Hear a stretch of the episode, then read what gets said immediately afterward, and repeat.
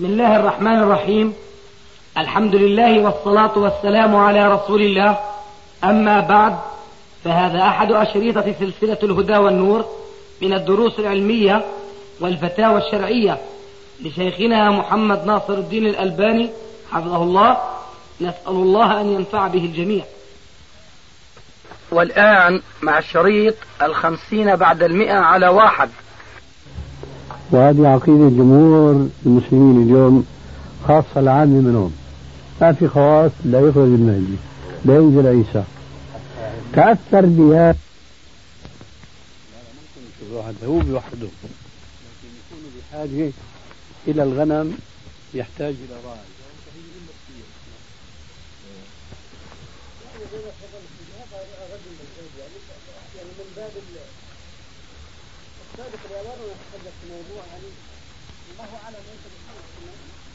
نحن علينا نعمل في الحاضر ونترك لله الغائب. لا إله إلا الله.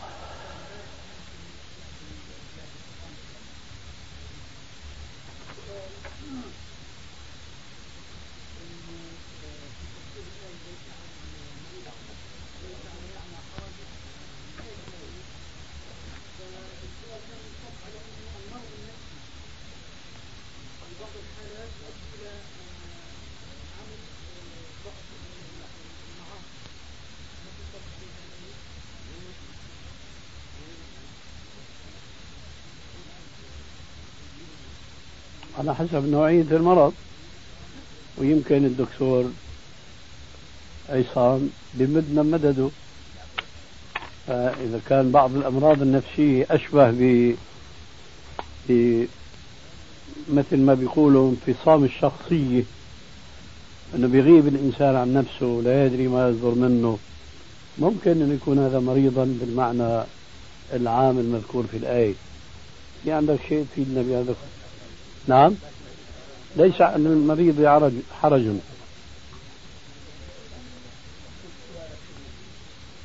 أنه هل يصل المرض النفسي إلى مرتبة بحيث أنه إذا ارتكب شيئا لا يؤاخذ شرعا لأنه مريض؟ هذا قصدي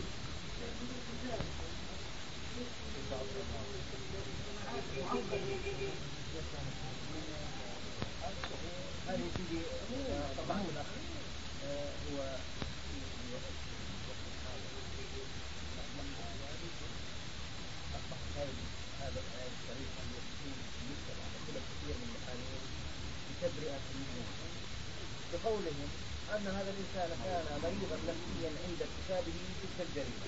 أيوه. بالتالي يخفف عليه العقاب. هذا الأسلوب يتبع حديثا. خروج من العقوبة مرتبط بحدثين.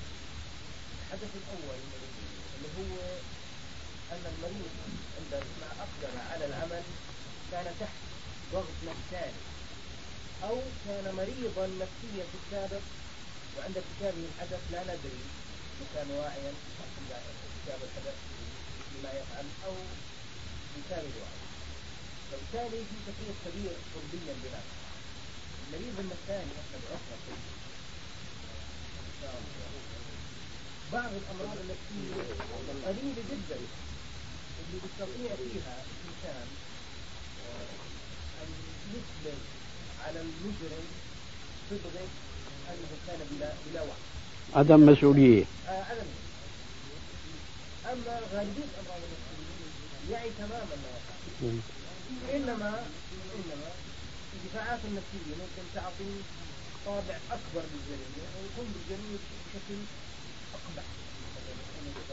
الإنسان عادي يعي وبكامل قواه العامل النفسي عامل ممكن يكون مساعد وممكن يكون مسبب العامل المسبب هو برأيي باعتقادي أنا أنه هو المريض الذي لا يعي وبالتالي لا يؤاخذ. أما إذا كان مساعدا فالأصل في العقوبة أن تقع. يعني كان يعي ما يفعل إنما ثورة الغضب مثلا. بدل ما يقوم بعملية الضرب بعصا ضربه في سطور ويعني أن ممكن يؤدي إلى القتل لكن عصبيته طيب. طبعه انه انسان سريع الانفعال هذا عامل مساعد وليس عامل اساسي. لكن اصبح يستغل شيء ايامنا الحاضره الهروب من العقوبه فعلى سبيل المثال أنا سئلت من قبل ابو مالك نفس الشيخ انه ثلاثة من الاطفال اقدموا على قتل على اعتداء على طفل طفل اظن احداث لا تقول أحداث في مدرسة. اللي متعارف عليها اقدموا على اعتداء على ولد. وقتل بتصور بنت في مدرسة. ثم قتلوه. قديش عمره دوني بس ألا ترون يا دكتور. والجملة معترضة. تسمية هؤلاء بأحداث. هذا هذا ما إنه كيف أن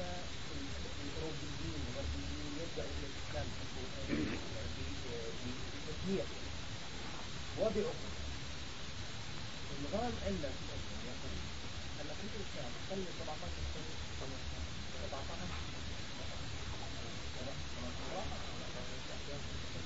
18 يسمى إنسانا حدثا لا. يؤخر على الجريمة مهما كبرت ولم يحملها إنما يوضع في مركز واحد النظام الأوروبي كيف يعني لا تسمع الأمور التي يوصل العاشر أقل من العاشر من يعتبر غير مسؤول عن العمل الذي يقوم من العاشرة إلى الرابعة عشر إذا كان إذا كان لدى الجماعة الذي تنظر في هذه القضية قناعة أنه يميز بين الطيب والخبيث فيعاقب كعقوبة الشريعة كعقوبة الشريعة. بين العاشرة والرابعة عشر. كانت عن قناعة أنه يميز بين بين الطيب وغير الطيب والجريمة وغير الجريمة فعليهم أن يعاقبوه كعقوبة الشريعة من فوق الرابع عشر لازمة في عملية عقوبته كأنه كبير وبالتالي نظرة التعليم كما أعلم. كل البنوك هو الحد الفاصل بين مؤاخذة وعدمها وهذا هو في الواقع اللاقية تتماشى القوانين البريطانية ما التعليم الإسلامي مم. ومن غراب المكان يعني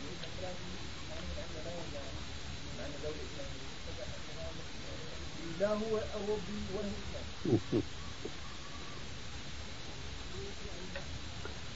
يعني ما هو إنجليزي اللي كان حاكما هناك المفروض أنه يكون لقوا هذا القانون منهم.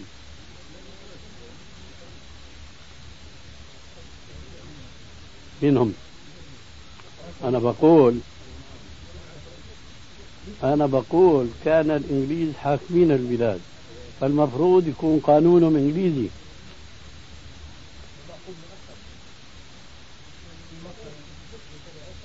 فرنسي ومصري و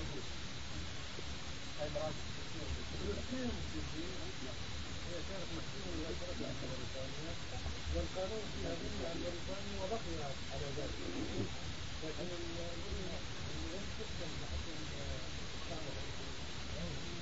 طيب يجب أن نعلم ما حكم هؤلاء الأحداث في الإسلام.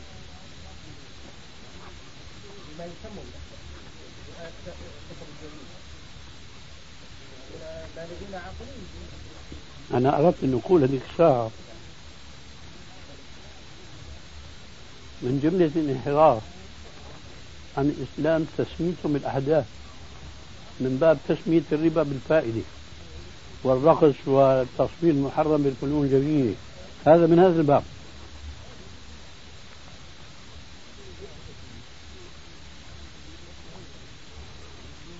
الحكم البلوغ لأنه معروف أن القلم مرفوع عن الصبي حتى يبلغ. يضاف إلى هذا شيء مهم ممكن نسميها سنة عملية.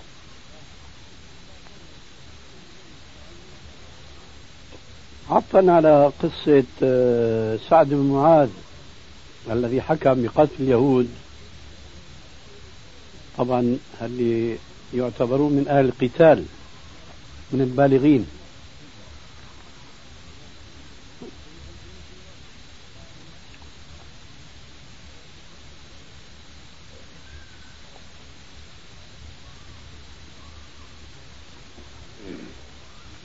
ما أحاول أتذكر اسم رجل شاب من اليهود. كان من جملة الأسرى. هل حكم سعد بن معاذ بقتلهم قال جاءوا بي عرضوني على القتل. قال فكشفوا عني. فلما وجدوني ما أنبت أطلقوا سبيلي وها أنا الآن بين ظهرانيكم. وجدوا مش بالغ. لأنه أظن معلوم لدى الجميع أنه لما بيبلغ بيطلع الشعر. فهذا دليل البلوغ. ظاهريا. إذا كان عمره 17 18 بدهم يتزوجوا وبينسلوا. الله أكبر. إلا إذا كان هناك مرض حالة مرضية ينظر بدون إيه؟ حالة مرضية هي رجع البحث السابق. هذا نرجع عليها يعني. هذا هو. فنقول آه انه في طفل أو طفل يبلغ التاسعة من ثامنة من العمر. وعنده مرض في الغدد لما فوق الكلى فتنتج هرمون الكتله الجسميه ضخمه جدا. لورا. فتؤدي إلى بلوغا ظاهريا وليس عقلانيا. يعني بمعنى أيوه. وليس عقلانيا. فبالتالي طيب. شو على- عفواً. لنفهم هذه المسألة. نعم شاذة. شو انه البلوغ ظاهريا شو هو؟ تجد فتاه هذه أمم. لرجل يا كل شيء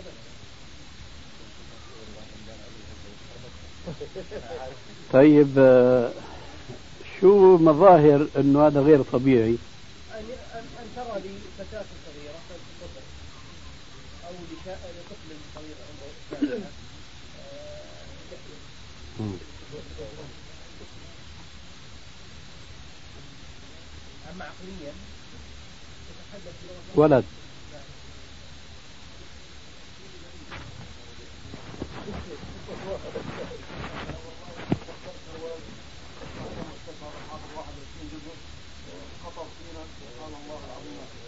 سنة، آه، لحية. أمم. أما عقليا تتحدث بلغة ولد لا بس هذا الكلام غير سليم قولك تصور كلامه هذا ليس كلامه هذا محفوظه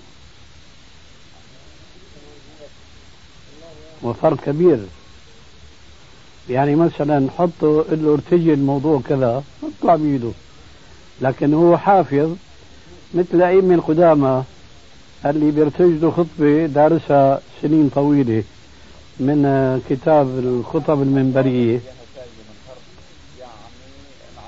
الله يبعثك خير. إيه، بتكون أنت أول هارب يعني. لكن كلام واحد الشيخ وأنا الحق قدر كلام واحد سيدي ما الحافظ زي ما نقول الانسان اللي بيختار الألفاظ والانسان أحيانا بعض الجمل يعني زي الانسان اللي يقول كيف؟ يعني ما بين انسان يعني عم محفوظات الانسان عم أحيانا كلمه يعني أنت ما بتظن فيه إنه هو عم يحكي من حافظته وليس من عقله ما لاحظت الشيء هذا وارد وارد بيختار زي ما تقول اقوال معينه معينه لا ما أظن لأنه إذا خلط خلط فعلا بضيع هذا كله محفوظ عنده أخي. أنا ما سمعته بس بلغني عنه خطب كثيرة. غلب على ظني أنه كل هذا حفظ. ممكن الإنسان في هذا السن يكون عنده حافظة قوية. لأنه نعلم أنه في باكستان يعني ابن من سنوات تسع سنوات يحفظ القرآن كله من أوله لآخره بيجي ما في كلام هذا إطلاقا. لكن لو كان أنه بيرتجي الخطبة من عنده هذا أمياز وأمياز. ما؟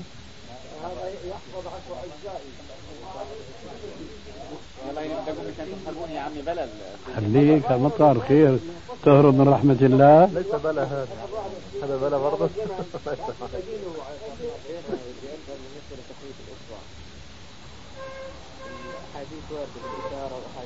بالتحريم الناس حديثي بالقول كان يفعل هذا هذا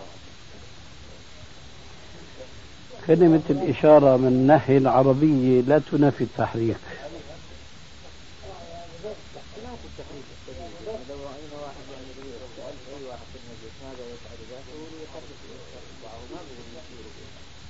قد يكون لما تكون عبارته مجملة وهذا الفرق بين المجمل وبين المفصل اللي موجود في القرآن. هذا بحث ثاني. يعني هلا هلا ما يكون هكذا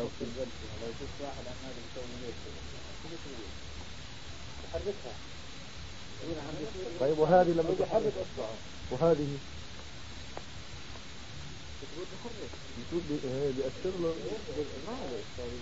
إذا ما في ما في منافاة بين عبارتين. لو كان النص يشير بها ولا يحركها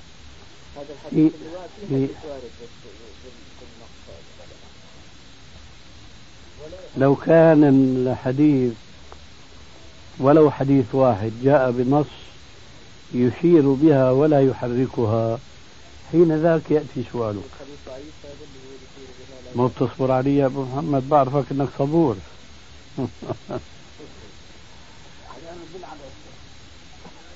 والله في أمراض ثانية اي نعم. لكن لما كانت الأحاديث التي تشير إليها ليس فيها نفي ما جاء في حديث الأول حديث وائل. فالإشارة عبارة عامة. ممكن تكون هيك ممكن تكون هيك. ممكن تكون هيك. كل هذا اسمه إشارة. لكن لا شك أنا معك نحركها أوضح في تأدية المعنى المشهود من الرسول عليه السلام من ذاك العربي اليمني وهو وائل بن حجر. لكن ما في حديث لا يحركها صحيحا. وهذا طريق للجمع.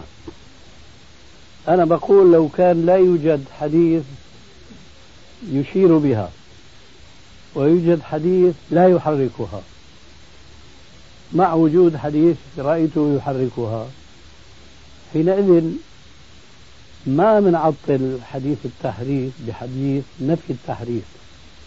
لكن نعمل آه شو بدي أقول؟ موازنة. موازنة أحسن.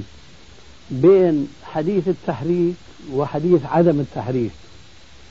فإن كان حديث عدم التحريك مروي من جمع من الصحابة حينئذ بنقول يقينا أن الرسول مو دائما كان يحرك. فمنحرك أحيانا عمل بهذا الحديث ولا نحرك أحيانا عملا بتلك الأحاديث. أما لو جاء حديث وحديث واحد يثبت والآخر ينفي.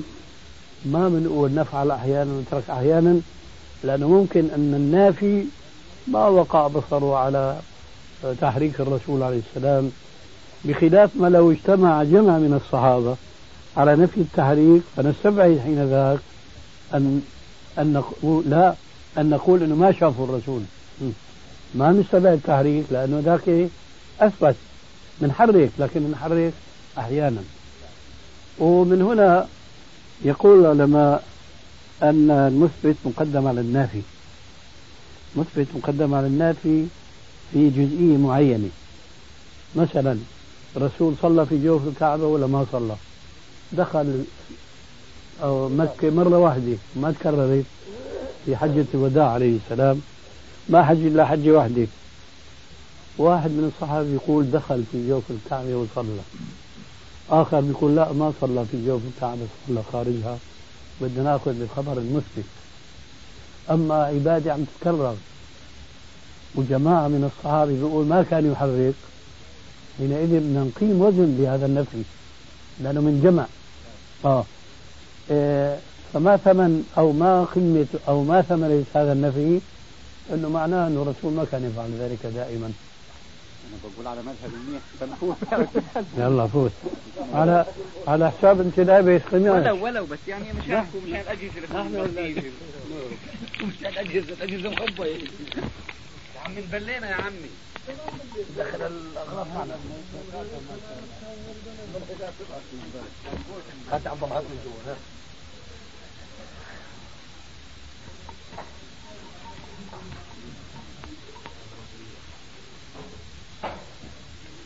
السلام عليكم. السلام وعدمها دي جمع من لا لا اذا كيف؟ تردين تردين راويين تفصيل أيوه. واحد بيقول شفت رسول أيوه. الثاني بيقول ما حرك أيوه نقدم رواية من قال يحرك على رواية من لا يحرك لكن إذا كان هذا الذي قال لا يحرك معه جمع ما بنقدر نقول الجمع نفسه ما شاف الرسول عليه الصلاة معناها شاف الرسول فعلا معه يحرك. فإذا نجمع بين المثبت وبين النافي نتيجة غير النتيجة السابقة اللي أقمناها بين الفردين فنقول أكيد الرسول مو دائما قال وعندنا مثال. أنا هذا المثال بنفسي أورد فيه بعض العلماء ما انتبهوا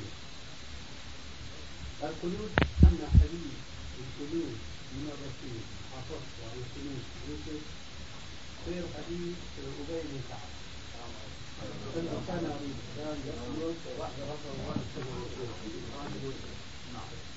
في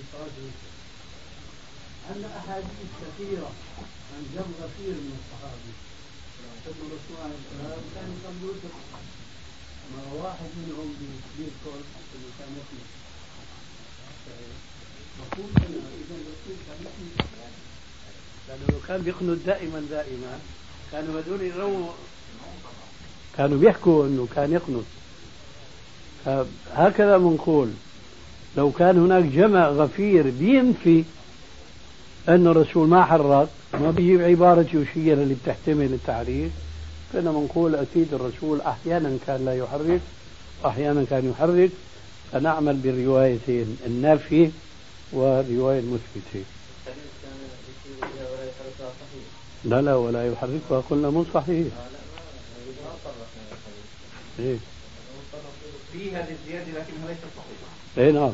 هذه زيادة أمر عجيب. اي نعم. الرواية هذه كيف؟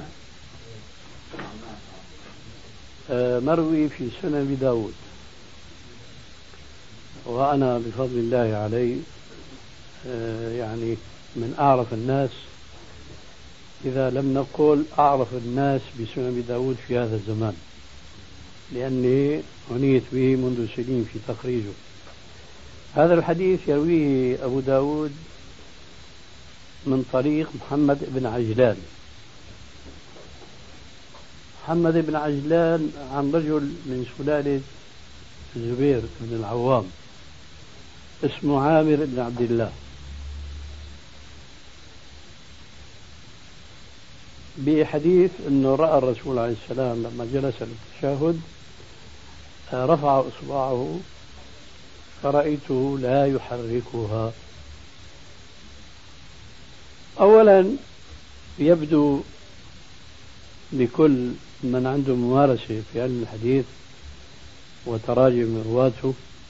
محمد بن عجلان نتكلم في حفظه لكن كلام خفيف بحيث لا ينزل حديثه إلى مرتبة الضعف لكن لا يرتفع إلى مرتبة الصحيح فهو حسن. كل حديث حسن معرض للقلقلة لأدنى مناسبة. لأنه حسن ما هو صحيح. يعني في حفظه شيء. الذي لاحظته وحررته في صحيح أبي داود ما يأتي. أولا محمد بن عجلان خولف من جماعة من الثقات. في رواية الحديث في صحيح مسلم وغيره كلهم يقولون الرسول أشار ولا يقولون رأيته لا يحركها. تصبح رواية لا يحركها المروية بسنن داود شاذة أو منكرة لأنه الراوي الثقة فضلا عن من كان دون الثقة. إذا خالف الثقات يكون حديثه شاذ أو منكر. هذه أول واحدة. ثاني واحدة محمد بن عجلان ما ثبت على رواية النفي الصريحة. فقد جاء الحديث من طرق جماعة من الثقات عنه يوافق فيه الثقات الآخرين يتابعوه. في رواية حديث بدون تصريح بنفي التعريف بنفي التعريف مثل هذا الحديث لا يمكن أبدا أن يكون حسنا فضلا عن أن يكون صحيحا. لأنه محمد بن عجلان لو كان ثقة وخالفوه الثقات وما ذكروا زيادة لا يحركها بيكون زيادته هذه شاذة. فما بالك وهو ليس بالثقة وإنما هو دون الثقة. ثم ما بالك أنه لم يثبت على هذه الزيادة فالدليل أنه كان يضطرب. أحد الرواة الثقات روى عنه بزيادة لا يحركها. ثقات الآخرون رووا الحديث عنه اختصارا على الإشارة دون التصريح بنفي التحريف. ولا يوجد هذا سوى هذا الحديث إطلاقا. تعضدها إي نعم. ولذلك فالحديث ضعيف يعني لا يستشهد به اطلاقا. لأن الإمام أحمد مثل رواية مثل هذه الأحاديث والتفقه فيها يقول كان يعقد بها مش عارف إيش ويصرفها وذلك القنابل يشوفوا بالبيع ما تكسر يعمل حركة دائرية. يحلقها. مش عارف إيش ما أخطأت على السعوديين. والله يا بعيني بشوفه هيك أبدا هذول مالكية. ها؟ اي نعم. لكن أنا براقب مرات يعني بشوف حركات غريبة في المسجد يعني. يعمل هيك فيها. لا لا ما في حدا هيك بيعمل مالكية بيحطوا هيك أيوه. وبيعملوا هيك. يعني مع حركة دائرية إيه هيك يعني آه, آه. حتى في الأيام قريبة اتصل معي. ما بعرفه شخصيا لكن ظاهر أنه متصل ببعض كتبي من الجزائر. وسألني هذا السؤال وأعجبني سؤاله لأنه دل على اهتمام السنة قال لي ما السنة في وضع الكف اليمنى في التشهد في الصلاة؟ أهو القبضة يعني كما يفعل المالكية. قلت لا. هذه القبضة ليس لها أصل في السنة إطلاقا وإنما السنة الصحيحة الصريحة أن الرسول عليه السلام لما جلس للتشهد وضع كفه اليمنى على فخذه اليمنى وقبض أصابعه. أولا وضع الكف ثم قبض وحلق الوسطى والإبهام ورفع السبابة فرأيته يحركها يدعو بها. ومنذ يومين أرسل إلي رسالة. هذه الحقيقة مفيدة. كان حدثني عنها هاتفيا. سماها القول الجلي في زكاة الحلي. فهو تبنى الرأي الذي تبنيناه نحن في آداب الزفاف بأنه يجب الزكاة على حلي النساء. فرسالته الحقيقة علمية مفيدة لأنه تعرض لمذاهب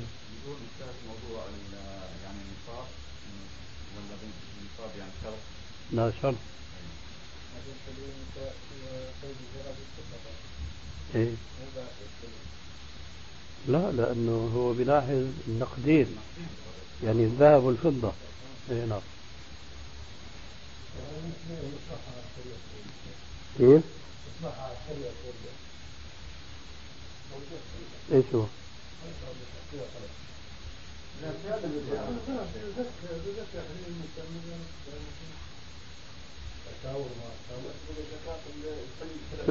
شو بقى أنت؟ شو ما فهمت علي شو عم تقول؟ لابد الاساور الأقراط الخاتم كل هاي مجموعة تجمع فإذا بلغت النصاب فوجب الزكاة. وهذا من يعني لابد ان يكون ذهب ولا ممكن مال؟ إيش المال؟ يعني إذا كان زكاة ذهب. إيش المال؟ بتعنيه بكلامك. المال. ورق. ما قلنا لك 100 مرة. الورق شو قيمته؟ قيمته ما يعادله من الذهب. بالنسبة لتشغيل غير المصلي تنزيل غير في مجال العمل يعني أيوه يعني استئجاره. استئجاره أي نعم. وإذا كانت بتوفر رجل بيصلي ورجل ما بيصلي والرجل اللي ما بيصلي عنده قدرة يعني أفضل بقليل من الرجل الذي يصلي. آه. الجواب يجوز ولا يجوز؟ آه. يعني تفصيل بين يجوز والموجود لا حول ولا تفصيل ب- من آه لا حول ولا يعني تقول الحمد لله.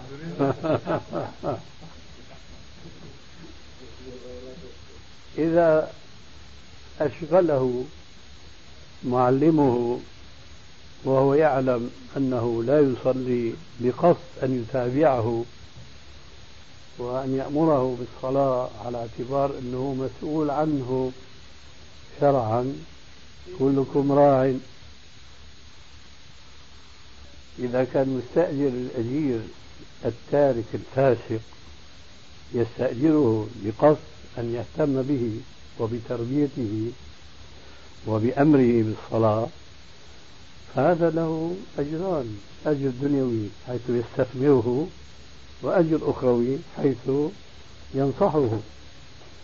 أما إذا كان يستأجره فقط للفائدة العاجلة فلا يجوز لأنه مسؤول هو عنه شرعا وإذا كان لا يهتم به فحينئذ بلاش هذه المسؤولية. واجبه الحالة هذه أن يؤثر المؤمن المصلي ولو كان دون ذاك قدرة أو قوة أو عملا. وهذا كله بطبيعة الحال نابع من قوله تعالى ومن يتق الله يجعل له مخرجا ويرزقه من حيث لا يحتسب. هذا جوابي. أيوه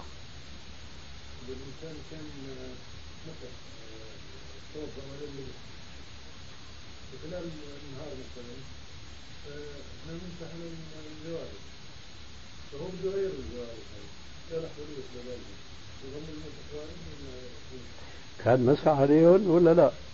إن كان مسح عليهم فاهم فاهم واحد صلى صلاة الفجر بعد ما توضأ ولبس الجوارب لبسوا على وضوء. إجا وقت الظهر مسح عليهم. بين الظهر والعصر شلحهم ولبس غيرهم. ما بيجوز يمسح عليهم إلا إذا لبسهم على طهارة جديدة. يعني على وضوء جديد. أما إذا كان مجرد تغيير يعني الصبح لبسهم على طهارة قبل الظهر بقي هو على طهارة. ما مسح لسه خلعهم ولبس غيرهم. العصر بيقدر يمسح عليهم.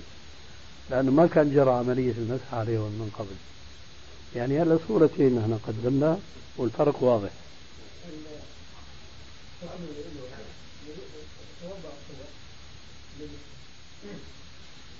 الظهر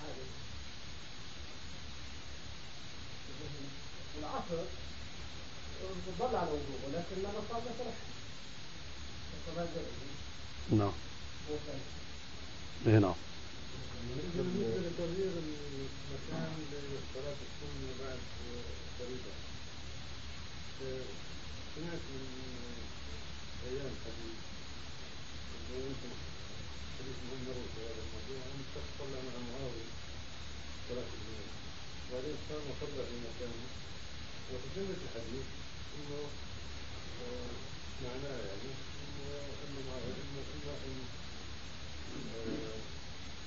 تخرج وإما أنك تنتقل لمكان آخر.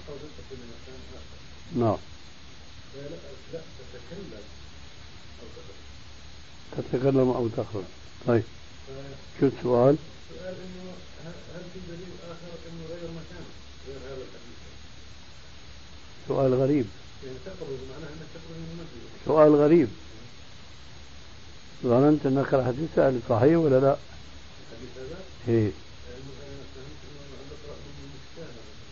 إيه فلذلك يبقى السؤال غريب. شو بدك بالحديث الآخر؟ هذا هذا الحديث لا يتكلم في تغيير المكان يتكلم في الخروج من المسجد أو بيتكلم أو يتكلم إيه إحنا نقول اللي ما بيتكلم ما بيخرج من المسجد بتغير مكانه من هنا يمكن آه. الجواب من ناحيتين الأولى تؤخذ من فقه الحديث. شو هدف الحديث؟ هدف الحديث تحقيق الفصل بين الفرد وبين السنة اللي بيحقق الفصل هذا ذكر في حديث معاوية أمران. خروج وهذا أشد الفصل. وإلا الكلام لأنه الكلام لا يصح في الصلاة. فإذا إذا وجد عمل آخر يشبه آه، الكلام من حيث أنه لا يليق بالصلاة فيلحق بالكلام الذي لا يجوز في الصلاة. وهو تغيير المكان كما نراهم في في المسجد. لكن في حديث آخر موجود في صحيح أبي داود. أي نعم. آه، الصوت ها؟ أولاد يعني. آه الحديث الآخر بيقول معناه أنه يغير مكانه أو ينحرف عن مكانه. ينحرف عن مكانه. عليكم السلام ورحمة الله وبركاته. هذا وارد في الحديث. هناك بقى أقوال ما هي طبعا مروية عن الرسول عليه السلام لكن ما تتنافى مع الحديثين هذول وهي أنه الحكمة في تغيير المكان آه، إكثار الشهود آه، إذا زلزلت الأرض زلزالها وإيش؟ أخبارها لأن ربك أوحى لها. يومئذ تحدث أخبارها الأرض تحدث بكل ما وقع عليها. فبتكون هذه زيادة شهادة لهذا الذي صلى هنا وصلى هنا وهناك إلى آخره. ما قدموا واثاره آه هذا استنباط يعني ما هو نص صريح أما النص الصريح في الحديثين السابقين. إيه إيه نعم.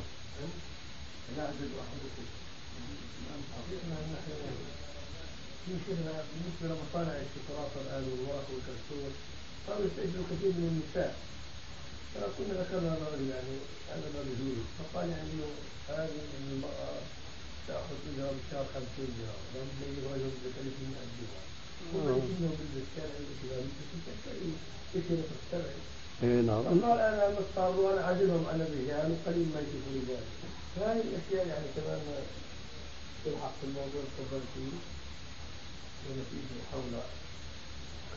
طبعا الجواب هو على نفس النمط السابق. وهذا الجواب جواب يعني مصلحة مادية يراعى فيها بينما المفروض في المسلم أنه يراعي الجوانب الشرعية الدينية. وبعدين الاعتذار بأنه هو فصل الرجال عنهم. هذا كلام يعني في اعتقادي غير عملي إلا إذا افترضنا أنه المستأجر ليس رجلا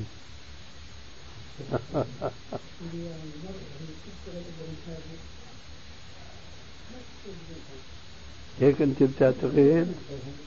أنا بعتقد لا هل هل هل هل يعني طلع على وجوههم الفقر أو وفي, وفي نساء بتشوف الدهن يا أبو طاهر على وجوههم. في نساء بتشوف الدهن على وجوههم. أنت بتعتقد الموظفات؟ في التلفزيون في الإذاعة وفي الدوائر. ما شاء الله.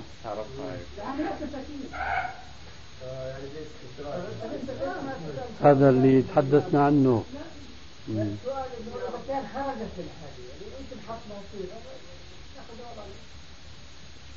طيب بالنسبة لبعض الشركات أو المؤسسات يعني بعض المؤسسات أو الشركات يعني يتخذون مصلى يصلون فيه مثلا الظهر أو العصر فإذا كان هناك مطر هل يجوز لهم أن يجمعوا في هذه المصليات؟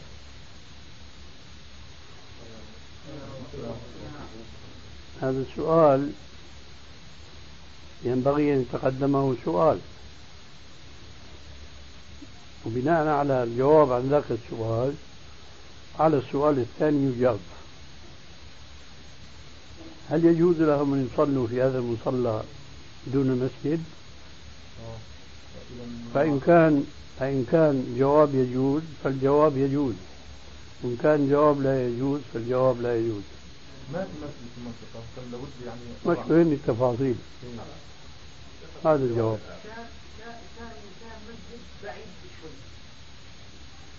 ما في مسجد مرة. مسجد بعيد. يا جماعة ليش تتناقشوا بفرعيات؟ هو عم يفرض فرضية أنت قابلة فرضية أخرى. وشو بيترسم وراء ذلك؟ لا شيء. نعم. الجواب هو نفس الجواب. إن كان يجوز له أن لا يصلي في ذاك المسجد ولو المصلى مو موجود.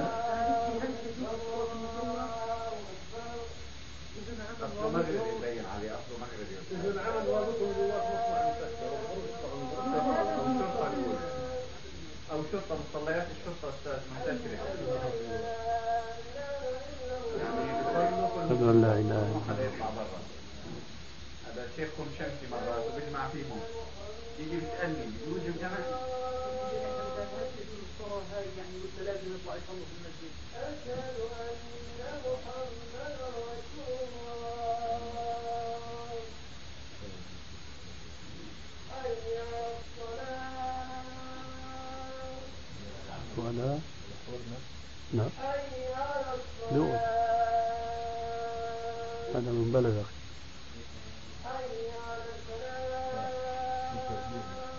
ها؟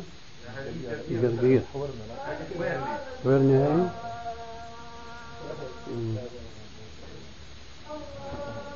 من هون؟ من هون هاي؟ هاي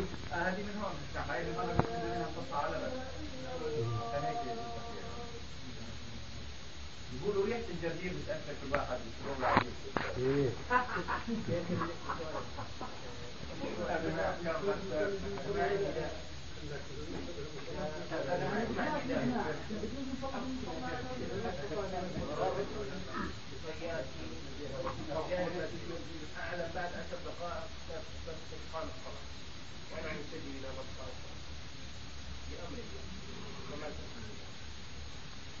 إن كنت مضطر لذاك الأمر جاز لك أن تتعدى. أي واحد؟ مش ممكن بعد تحديد مضطر أنا بالنسبة لي رايح على عيال إيه ما مضطر ثم إذا كنت مستطيع أن توقف السيارة بجانب المسجد فوجب عليك الحضور أنت تعرف متى يجب على المسلم أن يصلي الفريضة في المسجد ولا لا؟ تعرف؟ هاي. فنحن بنقول إذا كان ذاك المسجد اللي أنت بتذكره واجب على المصلي أن يصلي هناك فما بيجوز يصلي في المصلى. واضح؟ ما هلا حكينا عنها هلا حكينا عنها لكن هذا المانع شو وزنه؟ ذكرناه آنفا. إنه هذول اللي بيصلوا في المصليات يعني يجوز لهم الصلاة في المصلى. بسبب بعد المسجد ولا لا يجوز لهم كان جاء التفصيل بيني وبينك يجوز هذا سؤال وأعطيني جوابه هذا التفصيل كان جاء بيني وبينك فيما مضى من الزمان. يعني قلنا نحن آنفا ونقول الجماعة اللي بيصلوا في المصلى إما يكون جائز لهم يتركوا المسجد لبعده ويصلوا في المسجد في المصلى جماعة. أو لا يعني مثلا افترض أنه بجانب المصلى مسجد فهني بيتركوا الصلاة في المسجد ويصلوا في المصلى.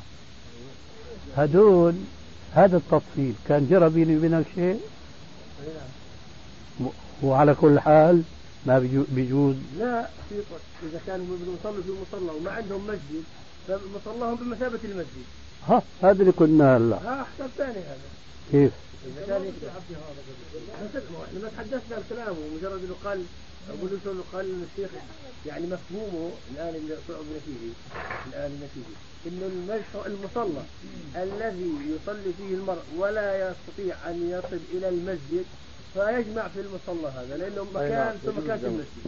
إيه صح ولا هو قال لا كيف لا؟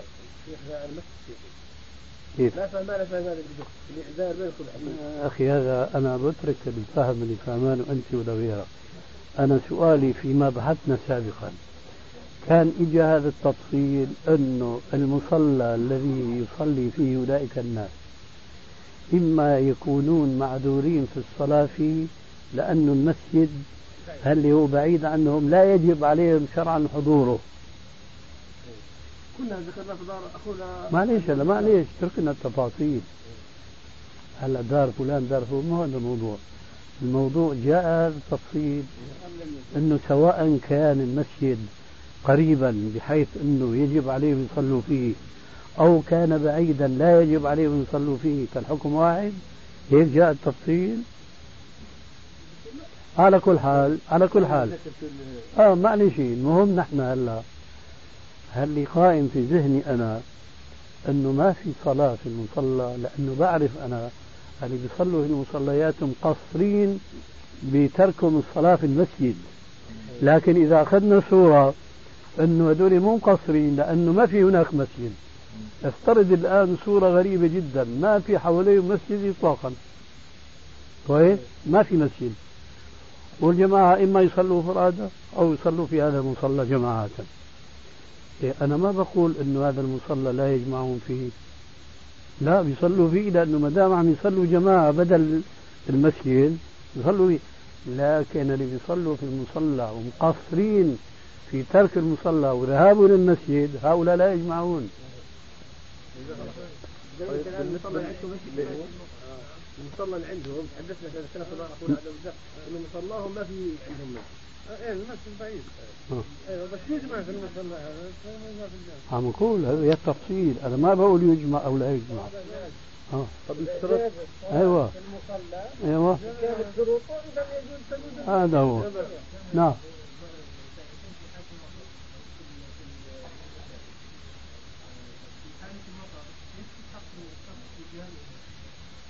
نعم.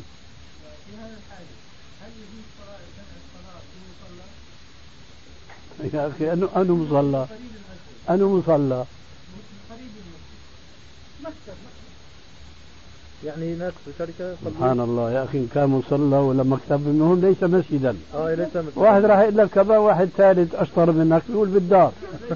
لا أنت مسجلها أخي الحكمة في شرعية الجمع في المساجد هو المحافظة على فضيلة صلاة الجماعة.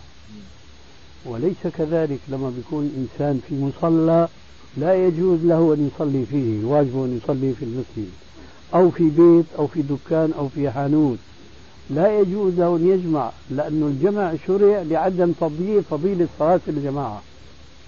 افترض الآن أنت أو أي شخص آخر آه، صلى المغرب والمطر هاطل كويس؟ ما جمع راح على البيت. واستمر المطر يستمر هاطلا بغزارة إلى وقت العشاء واجب عليك الآن تترك بيتك والأمطار نازلة وتروح تصلي جماعة في المسجد. واجب؟ معروف إنه لا. اذا أنت هلأ إذا ما جمعت خسرت. شو خسرت؟ الجماعة راحت راحت عليك الجماعة. عرفت كيف؟ فإذا عرفنا هذه الحقيقة الشرعية حينئذ تعرف أنه واحد في المصلى الذي لا يجوز له أن يصلي فيه أو في بيته لأنه واجب أن يصلي في المسجد. إذا صلى المغرب لا يجوز له الجمع لأنه مقصود من الجمع هو المحافظة على الجماعة وبهالصورة هو فوق ما ضيع. جماعة الصلاة الأولى وهي المغرب فهيضيع كمان آه، الجماعة الثانية وهي العشاء. واضح؟ طيب نعم. يشترط للجمع المسجد اللي يعني منطقتنا العيد فبروح اصلي صلاه الفجر بينما عندي خمسه أو سته الدار بصلي ما لما بروح ما بلاقي الا المؤذن أحيانا تحيهما اصلي في بيتي لاولادي مثلا أو أروح اصلي مع المؤذن هذا أنت بتقول أنه المسجد بعيد فأنت لو ما رحت فأنت معذور هيك يعني بتقول كل كلمة وغطاها نعم هو بعيد معذور نعم هو بعيد معذور. يا بعيد المسجد بعيد شو بيعني بعيد ولا قريب. تعتبر حالك معذور ولا لا؟ بس. بجوز يكون هو بعيد لكن في طين. فهذه علة لو كان قريبا وما في غير المؤذن بصلي أنا وياه بدك تروح على الجامع. شايف شلون حولها هلا كان بعيد صار قريب. خليكم يا جماعة خليكم واضحين في أسئلتكم. لأنه التسلسل المنطقي هذا ما بينتهي. إنما الإنسان واجبه يعالج واقعه. فواقعك إما أن يكون حضورك في داخل المسجد واجب أو ليس بواجب. آه. فإذا كان ما هو واجب صلي في البيت مع أهلك ثلاثة أربعة أحسن ما تروح يعني تصلي أنت والمؤذن. أما إذا كان واجب ذهابك إلى المسجد ولو كان وحده فأنت بتكثر جماعته. أحسن ما تتركه تصلي وحده. ففي إذا تفريق مثل ما حكينا آنفا في وجوب النية قبل الجماعة يقول ببعضهم ولا دليل على ذلك بل الأدلة تدل أنه لا يجب. يعني لأن الرسول كان يفاجئ الناس بالجماعة بالجماعة ما عنده خبر. يعني صلوا المغرب أنا بدي اصلي العشاء بس يصير. طيب يفهم يفهم من الكلام السابق شيخنا بالنسبة للجمع أنه يعني إذا كان الإمام الراتب بالمسجد غير موجود يعني نائبه أو من ينوب محله يجوز له أن يجمع بالناس. نعم. ولو الإمام بده يجي على العشاء أو أو ما صرح له هو الإمام على كل حال بده يجي عن عشاء آه.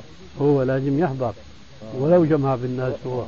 بيصلي لأنه بيجي ناس متأخرين. من لم يصلي. إيه يعني نعم. هذا يعني يجوز بنائب الإمام أن يصلي ويجمع. نعم. له نفس الوقت ومن حيث جمع الظهر مع العصر شو بتقصد الوقت؟ يعني مثلا لا. لا يصلى قبل ان يحصل الوقت لا. تصلي مثلا قبل الظهر دقائق أو عشر دقائق أو ربع ساعه لأن الضروره لا. تجيز الا الوقت طبعا انما يجوز ان يصلي الظهر والعصر نعم. والمغرب والعشاء اي نعم طيب بالنسبة لصوت الإمام يعني إذا كان جمع أن يصلي بالعشاء بالنا- بالناس العشاء مرة أخرى. يعني هذا هذا على الوجوب؟ مين؟ بالنسبة للإمام الإمام واجب دي وظيفته. إذا ما اجى حدا مش عبادته. آه. وظيفته. إذا ما اجى حدا يعني بصريح العبارة هو عنده كتاب اسمه الموسوعة العلمية أو الحيوان وهكذا. كتاب كتابه. المهم. هو؟ كتاب الشيخ علي؟ بالنيابة عني. أيوة. فهذا الكتاب فيه صور لسمك القرش ون- يعني نبذة أو مختصر عن حياته وهكذا. الوصف قد ما وصف بدور بضلني ادور بفكرة طير ثاني غير الاسم. الوسط يعني كثير واسع. قد ما كان الوسط. مش راح أعرفه. شوف شو بينك وبين كتاب اعلانات زي محمد هذا عن يحكي على موضوع الوسط في الشغلات. مثلا في جنين في طيور بدي أعرف أي اللي أشافه منه طيب هلا انت بدك تعرف ولا أبوك؟ الشيخ علي. بدي أعرف كتاب بده يتعلم عشان يقمع الشيخ علي هذا الظاهر عليه خلي علاقتك مع الشيخ علي. أيوه طيب صحيح شو حكم هذا شيخنا؟ اقتناء كتاب كموسوعة فيه معلومات عن الحيوانات؟ بالنسبة للي بحاجة آه. يجوز وإلا فلا؟ بحاجة كمعرفة ولا بحاجة كتخصص طيب مثلا؟ تخصص. بحاجة هذه الحاجات الفكرية ما لها نهاية. آه. يعني من طرف العلم هذا يعتبر حينذاك. آه، يقابله ارتكاب آه، محرمات. يعني شراؤه ولا صنع يعني تأليف؟ اولا صنعه بعدين شراؤه. يعني هذا فه- شريك فيها. هل بيصنعه؟ وقصده نيته طيبة إن شاء الله فهو نيته. وإن كان نيته التجارة وما شابه ذلك فهو نيته. وكذلك المشتري. إذا كانت للتجارة حرام؟ ما بيجوز يعني هلا إذا كانت تفيده قد لا تفيده الآن ولكن هذا المبني يفيد كل ما دعت حاجة بمعنى أنه دائرة معلومات البريطانية يسمى تحتاج إلى حاجة حادثة إغراق سفينة في وقت ما أو ملك حسب في وقت ما. يعني ما بدي يدرسها على سبيل المثال لكن هي موجودة عندك في المكتب هاي هاي المجلدات فيها صور ما عاد يعني هو بحاجة لهذا العلم من باب التخصص باعتبار ما أنه ما بيدعون بذاك ال- في فرق يا أستاذ بين واحد يقتني كتاب من أجل استفادة المعلومات بصورة عامة وهذا طبعا آه، أمر بيحض عليه الشراء. وبين يقتني كتاب لأنه فيه صور. فإذا جاءت الصور عرضا فما في مانع آه. سجلها هي كلمة هلا على اعتبار هو عنده الاغلب انه فيه لا لأنه قبل بشويه صرنا غير هيك هلا أيوه أنا بدي اطلع بالنتيجه الان ها لا اسمح لي شوي شوفوا متى قبل هلا حتى ارجع عن خطأي لا استغفر الله قبل استغفر إيه لا إنه- لا قصده هو ما فهم عليك. اللي خدناه قبل دقيقة. إنه اقتناء الكتب التي فيها معلومات من باب التزود بالعلم الإضافي هذا ترف فكري لا حد له. هذا بخالف اللي قلته هلا إحنا قسنا على هذا الكلام معناته. اذا انت أنت اللي اخطات مو أنا مضبوط. اذا نحن بنقول لا أنا وياه نتيجه طلعنا فيها فعلا طيب. أنا وياه فهمنا واعتبرناه يعني صار في في نفس الشغف. لما سألنا سؤال آخر توضح الأمر. فالآن النتيجة اللي وصلنا الآتي. ما عليك؟ الحمد لله. أن جوابك من الدقة بمكان بحيث إنه إحدى أمرين. يا أما بدك تفصل لنا كاسه الأمور يا أما إحنا نعود أنفسنا. لك يا فقط. يا جماعة ارحموا الشيخ اللي الله بلاكم فيه وبلي بكم. يعني وما- مم. أنه لما بتسالوا سؤال وخاصة وقد بلغت من الكبر عتيا بدكم يعني استحضر الموضوع من كل جوانبه. هذا اللي ربنا بيلهمنا اياه فحسبكم. ان يكون امتداد للشيخ في كل واحد فينا بموقعه يعني هذا يعني إحنا بدنا بدنا في مجموعنا نكون شي- شيخ بلاش كل واحد فينا يعني في مجموعنا إيه. نقدر ناخذ شيء عنا. يا سيدي نحن نريد كل واحد منكم يكون شيخ يس- يستغني به هو عن الشيخ. شو رأيك؟ كويس؟ أنا وابو عبد الله شفت؟ معنا え、旦那。